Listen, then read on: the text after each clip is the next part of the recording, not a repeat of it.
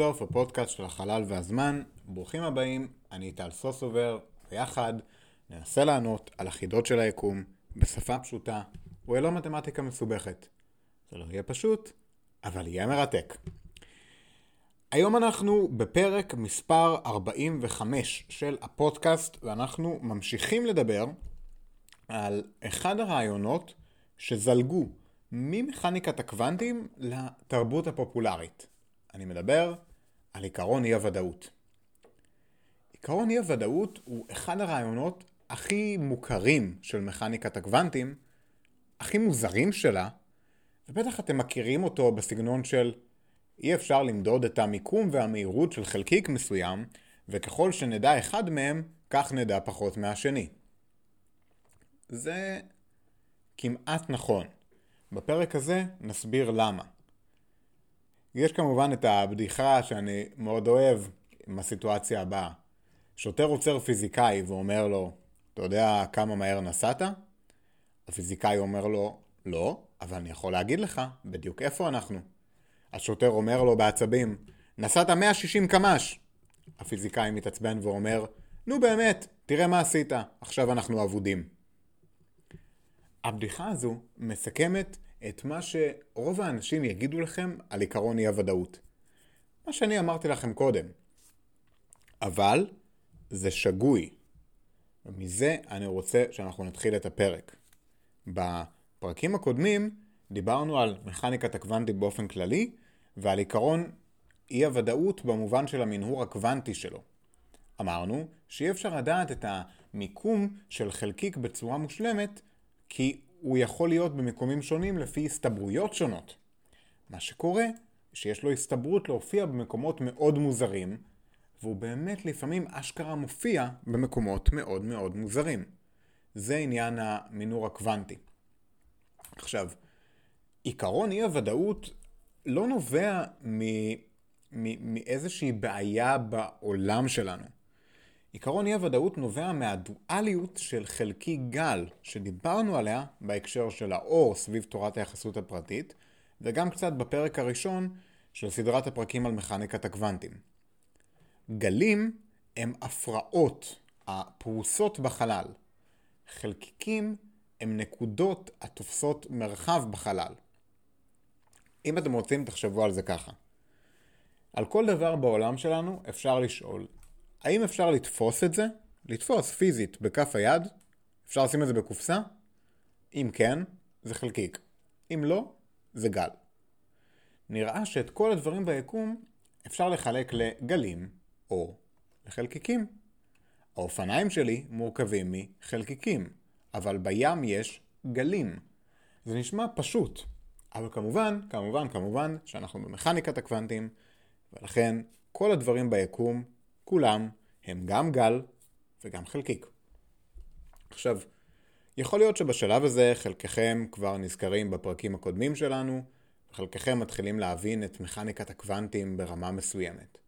חלקכם מבינים על מה אני מדבר. אנחנו מעמיקים באחד הנושאים הכי לא אינטואיטיביים ביקום, תרתי משמע, ואני שמח שאתם מתמידים במסע הזה איתי. אני חייב להגיד לכם שאני באמת חושב שזה קצת פחות ממטורף מה שאנחנו עושים פה עכשיו. הכי כיף להגזים בסופרלטיבים, אבל אני בטוח שמי שיתרכז ב-20 דקות הקרובות יצליח להבין ולתפוס את הרעיון מאחורי אחד העקרונות המוזרים ביותר בטבע, באמת בלי להוסיף שום, שום סופרלטיב על המשפט הזה. אנחנו מדברים פה על משהו שהוא באמת מטורף. לפעמים העולם הגדול שלנו, העולם המקרוסקופי, יכול לעזור לנו להבין דברים מוזרים כמו מכניקת הקוונטים. במיוחד שאנחנו הולכים לדבר על אחד הרעיונות הכי מוזרים שלה. היום אנחנו נעזר בגלי הקול שלנו, שכולנו מכירים. והאמת היא שאם אתם, שומע, את, אתם שומעים את הקול שלי ממש ממש עכשיו. למה זה? כי היום אנחנו הולכים להסתכל טיפה עמוק יותר מהמנהור הקוונטי עליו דיברנו בפרק הקודם. אותו תהליך מוזר בו חלקיקים מגדירים את המיקום שלהם לפי פונקציית גל של הסתברויות. המוזרות של עקרון אי הוודאות מכתיבה לנו מציאות מוזרה. היקום שאנחנו תופסים כמורכב מחלקיקים עם נתונים שניתן לכמת כמו מיקום, מומנט, ספין, העיקרון הזה הוא מוזר ביסודו. בואו נעבור אחד אחד על התכונות האלה. מומנטום הוא מסה כפול מהירות. ספין היא תכונה תת-אטומית שנקדיש לה פרק מיוחד ונדבר עליה בהמשך, אין לה מקבילה כל כך בעולם המקרוסקופי. אני לא רוצה לדבר על סיבוב של חלקיקים, כי הם לא באמת מסתובבים, זה יותר כמו סימטריה ברמה כזו או אחרת, ושוב, נדבר על זה, זה לא חשוב. ולכל חלקיק יש מיקום, מומנט וספין. מומנט, מסה כפול מהירות, ספין זה פשוט ספין, ומיקום הוא פשוט מיקום. קורדינטה בצירים, קורדינטות, אבל המציאות הזו היא תוצר של מציאות בסיסית יותר. לכל חלקיק יש אין סוף מצבים שונים בהם הוא יכול להיות, וכשאנחנו מודדים כל אחת מהתכונות שלו, אנחנו גורמים לפונקציית הגל שלו לקרוס, וכך מקבלים רק את אחת האפשרויות לגבי התכונות שלו. עד שנמדוד אותו, החלקיק נמצא בכל המצבים במקביל. שכחו מחומר, הוואקום עצמו, הריק עצמו, טכנית, מורכב מאין סוף חלקיקים במצבי אנרגיה 0. טכנית, זה נכון. אוקיי, בואו ניקח צעד אחורה ונסביר את זה. עיקרון אי הוודאות מורכב ממיקום וממומנטום. אנחנו לא יכולים לדעת במקביל את המיקום וגם את המומנט של מערכת ברמה הקוונטית ברמת דיוק מוחלטת. אנחנו קוראים לזוג הזה מיקום ומומנט משתנים מדידים. והרעיון הוא שאי אפשר למדוד אף אחד מהם בצורה מושלמת. אם ננסה להבין את המיקום של החלקיק בצורה מושלמת, יש לנו חוסר ודאות בהבנה של המומנט שלו. אם נבין את המומנט בצורה מושלמת, לא נבין את המיקום. האם כל זה בגלל שפשוט כלי המדידה שלנו מאפנים? אז לא. העניין הזה של אי הוודאות לא נובע מפגם טכני בכלי המדידה שלנו. הפגם הזה הוא חלק מהטבע עצמו, חלק מהתיאוריה הקוונטית המוכחת. יש מידה מסוימת של מידע שאנחנו יכולים לקבל ממערכת קוונטית. כמות האינפורמציה הזו מוגבלת, ובשביל להבין את השורשים שלה, אנחנו לא צריכים הרבה. מכניקת הקוונטים היא סוג של גלים. היא סוג מסוים מאוד של מכניקת גלים, אבל הכל נסוב סביב התנהגות של גלים. בניגוד לתורת היחסות הפרטית, עליה דיברנו בפרקים הקודמים, המתארת התנהגות של אור, אנחנו, גלי אור, אנחנו היום הולכים לדבר על גלי הסתברות של החומר עצמו, על תתי החלקיקים הקטנים האלה. יחד עם זאת, מסתבר שעיקרון אי הוודאות מופיע בכל מערכת של גלים ברמה הקוונטית, ולכן אנחנו הולכים היום לדבר על גלי קול, שהם לא גלים קוונטיים, אבל אנחנו נראה איך עיקרון אי הוודאות מופיע גם שם. תראו, גלי קול יכולים לקבל כל צורה. אפשר לתאר גל קול כאינטנסיביות של הקול שהוא עובר אותנו. זוהי אינטנסיביות של תנודה באוויר לאורך זמן. בעבור טון ספציפי כמו C או דו, יש לנו גל עם תדר מאוד מסוים שאנחנו מכירים. גל הקול של תזמורת הוא מאוד מורכב. הוא מכיל תדירות שונה שמגדירה נקודות שונות של שפל וגאות בגלי הקול של כל כלי הנגינה השונים. תחשבו כמה מדהים זה שאפשר לפצל כל סאונד שנקבל מתזמורת להרבה קומבינציות של גלים נפרדים בתדרים שונים. אפשר לפצל כל גל מורכב, המורכב כתוצאה מגלים שמולבשים אחד על השני. לכן, אפשר לייצג כל גל גם בתדר שלו, זה הרץ. אפשר לייצג את הגל כאינטנסיביות המשתנה לאורך זמן, ואפשר לייצג אותו גם במובן של תדר, וגם במובן של אינטנסיביות לאורך זמן. כאשר מחליפים בין הזמן לבין התדר, אנחנו עושים משהו שנקרא המרת פורייר. וכך עובדת העברת גלי הקול באמצעות מכשירים אלקטרונים, באמצעות הקידוד שלהם. זה נקרא conjugate variables. אוקיי, אפילו אם לא הבנתם את זה, תתרכזו עכשיו כי בסוף זה באמת לא כזה מסובך. אם יש לנו גלים, או גלי קול, או לא משנה איזה גלים, אפשר להוסיף הרבה גלים נוספים על הגלים שכבר יש לנו, בצורה כזו שהגלים החדשים ישפיעו בכל מקום בו כבר גלים, כבר, כבר אין לנו גלים. למעט מיקום קטן מאוד בגלים שלנו. ככל שנוסיף עוד כאלו, יישאר לנו רק מרווח קטן מאוד בלי גלים שמכסים אותו. קחו דף, תציירו איזה רגע. תציירו גלים על דף, עד שתגיעו למצב שאם אתם מציירים בעט שחור, שכל הדף שחור, למעט אזור מסוים באמצע, בו אין לנו שום גל. שם אף אחד מהגלים לא נוגעים. יש לנו מיקום קטן מאוד, מיקום ספציפי בגלים, שהוא מאוד מאוד מוגדר. כל שאר הדף שלנו מאוד רועש, המיקום הקטן הזה מוגדר. ככל שנוסיף עוד ועוד גלים, יישאר לנו מרווח קטן יותר בלי גלים שמכסים אותו. ככל שנוסיף עוד גלים בתדר גבוה לכסות על הגלים שכבר הכנסנו, נצטרך להכניס גלים בתדר עוד יותר גבוה כדי להשיג את האפקט. חשוב להסביר שגלים בתדר גבוה הם התדרים שנותנים לנו שינויים גבוהים באינטנסיביות, כי יש מתאם הפוך בין תדר לאינטנסיביות. אז, אז אם אנחנו מדברים פה על תדרים נורא נורא נורא קצרים, כדי שהם ישאירו לנו מרווח כמה שיותר קצר באמצע, לבן, אנחנו צריכים אינטנסיביות כמה שיותר גבוהה. מה אם ננסה לדחוס עוד ועוד ועוד גלים עד שנקבל מרווח קטן? מרווח שהוא נקודה. blip. blip קטן קטן של קול. blip של קול שקיים לרגע אחד בזמן. האם זה אפשרי בכלל לעשות spike מהיר כזה וחד פעמי בזמן? אז האמת היא שזה אפשרי, אבל בשביל זה אנחנו צריכים אינסוף גלי קול בעצימות הולכת ועולה, שכל אחד מהם קיים בכל המקומות בקטע הסאונד שלנו, למעט המקטע היחיד אותו אנחנו רוצים להשאיר נקי, אותו bloop קטן. אם נגרום לכך שיש לנו גל קול שהוא צליל, bloop כזה, עם מיקום מושלם בזמן, אנחנו לא יכולים שתהיה לו תדירות, כי הוא נקודה בזמן. באותה מידה, גל קול עם תדר ידוע בצורה מושלמת, הוא גל קול הנע בזמן, ולכן אנחנו לא יכולים להגיד בבירור מה הזמן שלו. הוא נמצא בכל הזמן. זוהי לא תורת הקוונטים, ואפילו לא עיקרון אי הוודאות של הייזנברג. זו פשוט דוגמה יומיומית ל... לאינטואיציה שלנו, שקצת תתניע אותה. אז אחרי שהבנו את זה, שבעצם ככל שאנחנו מצמצמים את התדרים, אנחנו נכנסים למצב של אין סוף תדרים שצריכים להגדיר לנו את התדר הקטן בצורה מושלמת הזה, מה קורה בעולם הקוונטי? בואו נחשוב על משוואת הגל של החלקיק.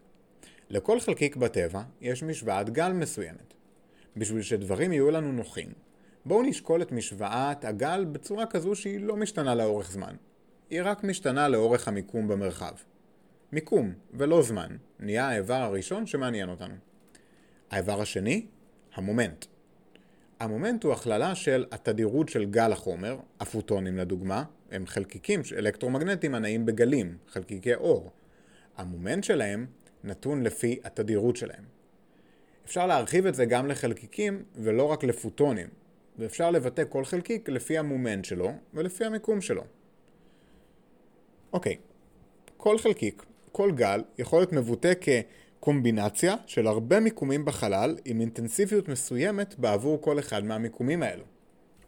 החלקיק הזה הוא כאילו מרוח על פני כל המיקומים האפשריים במרחב.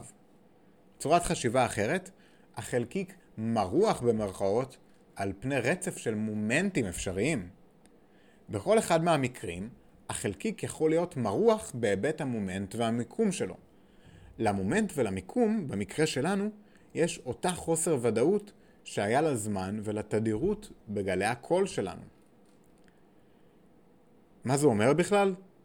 הפרשנות של פונקציית הגל, או חוק בורן, אליו ניכנס עכשיו. לפי חוק בורן, העוצמה של הגל היא ההתפלגות של ההסתברות של החלקיק. מה זה אומר? זה אומר שאם אנחנו מבטאים את הפונקציה של הגל של החלקיק, יש לנו הסתברות מסוימת למצוא את החלקיק בעבור כל אחד מהמצבים. חוק בורן מאפשר לנו לבחון מה הסיכוי למצוא את החלקיק בכל אחד מהמיקומים השונים.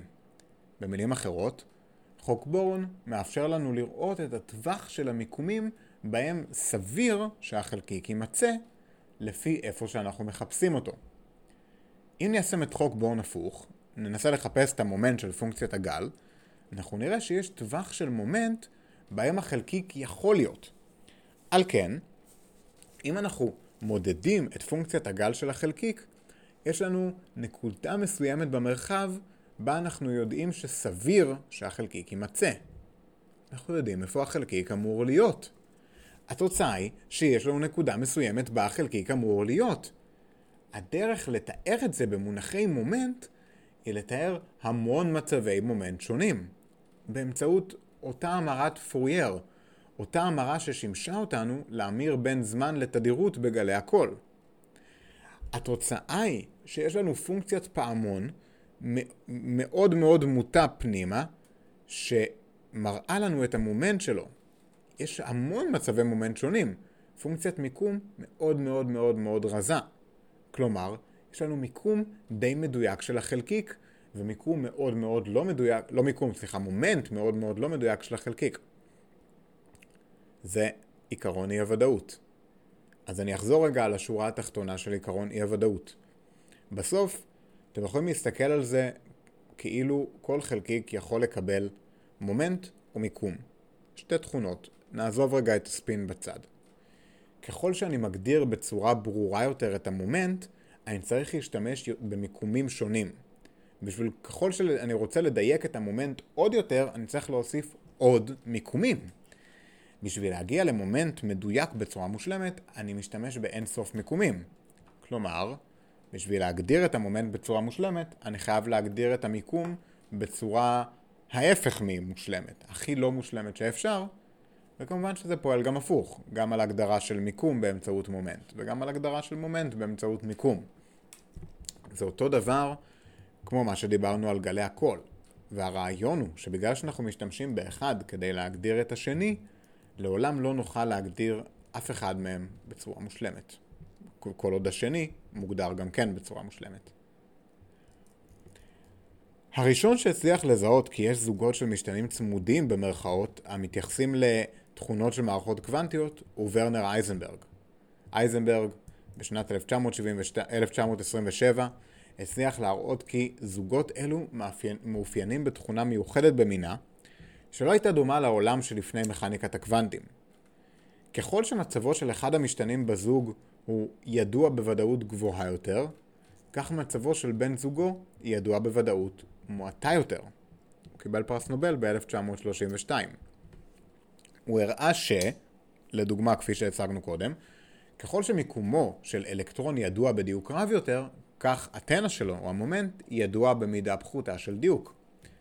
אייזנברג קבע כי אין זו בעיה של מדידה, שאולי תיפתר עם שכלול הכלים והמכשירים שלנו, אלא זו תכונה בסיסית ומהותית של הטבע עצמו, ואין לנו שום יכולת למדוד את זה. עיקרון אי הוודאות השפיע בצורה עמוקה מאוד על הפיזיקה וגם על הפילוסופיה. העיקרון משפיע בצורה ניכרת רק על מדידות בסדר גודל של קבוע פלנק. ההשפעה שלו זניחה בסדרי גודל גדולים יותר. אבל בעולם התת-אטומי? וואו. עכשיו, חייבים לציין כאן בכל זאת שאייזנברג היה לו תפקיד שנוי במחלוקת בגרמניה הנאצית. הוא לא עזב את גרמניה הנאצית כמו הרבה מאוד uh, מדענים אחרים, ביניהם נילס בור, uh, דני שאני חושב שהוא עבר לשוודיה, וכמובן איינשטיין ועוד הרבה מאוד מפורסמים אחרים שעברו לארצות הברית. והוא עזר ברמות כאלו ואחרות שעדיין לא ברור לנאצים לפתח נשק גרעיני. שוב, למזלנו, ללא הצלחה יתרה. לאחר המלחמה אייזנברג טען שהוא ניסה לעשות הכל כדי לשבור את התוכניות של הנאצים מבפנים, אבל עד היום יש על זה המון ויכוח עד כמה הוא היה חלק או לא היה חלק. אבל מספיק היסטוריה להיום. בואו נתקדם עם עיקרון אי הוודאות של אייזנברג. יש לנו כאן בעיה. לא הכל מסתדר לנו בצורה מושלמת. ככל שאחד מהאלמנטים מתקרב לרמת מוחלטות, השני שואף לאינסוף. לכן, אף אחד מהם לא יכול להיות באמת באף אחד מהמצבים הקיצוניים. אפס מוחלט או אין סוף מוחלט. אסביר. ככל שאנחנו מעלים את הוודאות שלנו לגבי המיקום של החלקיק, אנחנו מקטינים את הוודאות לגבי המומנט שלו. עד כאן, כמו שאמרנו קודם, מיקום ומומנט יש trade-off. פוקוס של אחד מהם מוביל למריחה במרכאות של השני. זוהי תולדה בלתי נמנעת של תיאור החלקיקים. זו מכניקת הקוונטים. כל חלקיק יכול להיות מתואר בתיאור מושלם רק של אחד מהם. והאמת היא שדיוק מושלם של אחד מהם מוביל לחוסר דיוק מושלם בשני. בואו ננסה להחליף את החשיבה. לחלקיק מסוים, לוויברציה מסוימת, יש נקודה מסוימת עם מיקום מושלם במרחב. ולכן אנחנו צריכים לחשוב עליו כאין סוף מומנטים שונים במרחב על פני כל הספקטרום של המומנטים האפשריים. אם יש לנו כל כך הרבה נקודות על הספקטרום של המומנט, אנחנו יכולים להתמקד בכל אחת מהן בנפרד. היא מוגדרת היטב כנקודה אחת. ולכן יש לה, ולכל אין סוף הנקודות האחרות על הספקטרום של המומנט, יש להם חוסר ודאות לגבי המיקום שלהן. חוסר ודאות לגבי המיקום של הנקודות מוביל אותנו לאין סוף נקודות נוספות. הגענו לאין סוף חלקיקים עם מיקום מושלם. ושימו לב מה קורה פה. חלקיק אחד בסך הכל, המוגדר בצורה מושלמת מבחינת המיקום שלו, מוביל לאין סוף חלקיקים התופסים אין סוף מיקומים מוגדרים אחרים. לכל אחד מהם יש אין סוף מומנטים, וחוזר חלילה, אין סוף מיקומים, אין סוף, אין סוף, אין סוף, עד שאין מקום ביקום. נראה שיש לנו בעיה. רק כשניכנס בפרקים הבאים לתורת השדה הקוונטי, רק כשניכנס למגרש משחקים האלו, נתחיל לדבר על איך אנחנו מוסיפים ומורידים את האינסופים האלו. רק ככה אנחנו יכולים לתאר את הוואקום, את הבסיס של המרחב והזמן עצמם. וזה, חברים, באמת הולך להיות מטורף. אוקיי, חברים, בואו נסכם את הפרק. היום דיברנו על עיקרון אי הוודאות של אייזנברג, במסגרת הפרק השני והאחרון שלנו על אי ודאות במכניקת הקוונטים. אחרי שבפרק הקודם דיברנו על מנהור קוונטי ועל חוסר הוודאות לגבי המיקום, היום נכנסנו ללב העניינים ודיברנו על מהי באמת אותה אי ודאות, אותו עיקרון אי ודאות של אייזנברג. בשורה התחתונה, הרעיון הוא שאנחנו יכולים להגדיר מיקום רק באמצעות המומנט, ויכולים להגדיר מומנט רק באמצעות מיקום. ככל שאנחנו מגדירים אחד מהם בצורה מדויקת יותר, ככה אנחנו מגדירים את השני בצורה מדויקת פחות. זה לא עניין של כלי מדידה טובים או לא טובים. יש פה עניין מובנה בפיזיקה. הבאנו את האנלוגיה של גלי קול המתפתחים לאורך זמן. כדי לתאר רצף קטן מאוד מאוד מאוד בזמן, אנחנו צריכים ליצור כל כך הרבה רעש מסביב בכל גלי הקול, שבעצם כדי לצ... לתאר נקודה מאוד מאוד מאוד מאוד מסוימת בזמן, אנחנו צריכים אין סוף גלי קול, שזה כמובן לא אפשרי. בהמשך דיברנו על העניין הזה של אה, חוק בורן, שהעוצמה של גל היא התפלגות של ההסתברות של החלקיק. ובעצם התחלנו לכרוך קצת את כל העניין ההסתברותי הזה עם המציאות הקוונטית. הרעיון הזה של אייזנברג הוא שאנחנו מקבלים משתנים כאלו, את המשתנים הצמודים שדיברנו עליהם, כמו מומנט ומיקום. אנחנו יכולים להגדיר רק אחד מהם בצורה מושלמת. שוב, זה מאוד מאוד מאוד נכון לגדלים קטנים בצורה מגוחכת. זה לא נכון לבני אדם וזה לא נכון אפילו למולקולות. אנחנו מדברים פה על דברים הרבה יותר קטנים מזה. אבל, ככל שאנחנו מעלים את הוודאות לגבי המיקום של החלקיק, אנחנו מקטינים את הוודאות לגבי המומנט שלו, ולהפך, אם אנחנו מתפקסים על אחד, אנחנו מאבדים את השני. זה עיקרון אי הוודאות. דיברנו על הבעיה שזה יוצר בעבור מיקום מוגדר של חלקיק. הנה ראיתי חלקיק, יש לו אין סוף מומנטים אפשריים. בעבור כל מומנט כזה מתוך האינסוף אמור להיות אינסוף מיקומים אפשריים.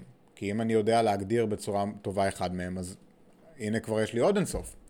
ואז אני יכול לחזור על התהליך הזה גם בעבור כל אחד מהמיקומים, עם עוד אינסוף מומנטים, ואז אינסוף מיקומים ואינסוף מומנטים. איך אפשר לעשות ככה מתמטיקה? איך אפשר לעשות משהו?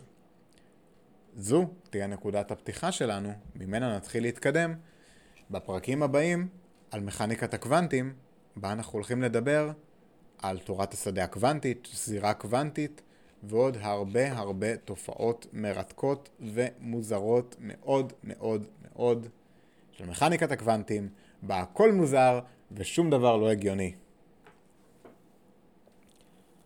תודה רבה רבה לכם על ההקשבה. הפודקאסטים של אלה אינסוף הם יוזמה שלי של הנגשת תורת הקוונטים, חקר החלל, חקר היקום, חקר אי הוודאות של אייזנברג ואפילו קצת חקר של נאצים לכולן ולכולם, ללא הבדל גיל, ידע מתמטי או כל הבדל אחר, הסקרנות היא של כולנו וכיף למתוח את הידע שלנו בכל פרק מחדש. הפרקים של אלה אינסוף זמינים עבורכם חינם בעמוד הפייסבוק שלנו באלה אינסוף וכן בכל אתרי הפודקאסטים האהובים עליכם. אם אהבתם את הפרק, בבקשה תנו לנו אה, חמישה כוכבים באפל פודקאסט ובספוטיפיי ובכל מקרה כנסו לעמוד הפייסבוק שלנו, אם יש לכם שאלות אתם מוזמנים לשלוח לי למייל או לפייסבוק. פרק כמו זה לוקח כמה עשרות שעות של עבודת מחקר, הכנה, הקלטה ועריכה.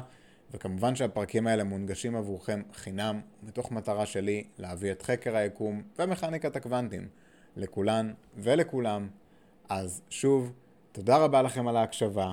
אם אהבתם את הפרק, שתפו אותו עם חברים שיש לכם איזה אי ודאות לגבי הקשר איתם. חברים שאתם לא יודעים את המיקום או את המומנט שלהם. לפחות לא בצורה מושלמת. שוב, תודה רבה לכם על ההקשבה, ועד הפעם הבאה, שלכם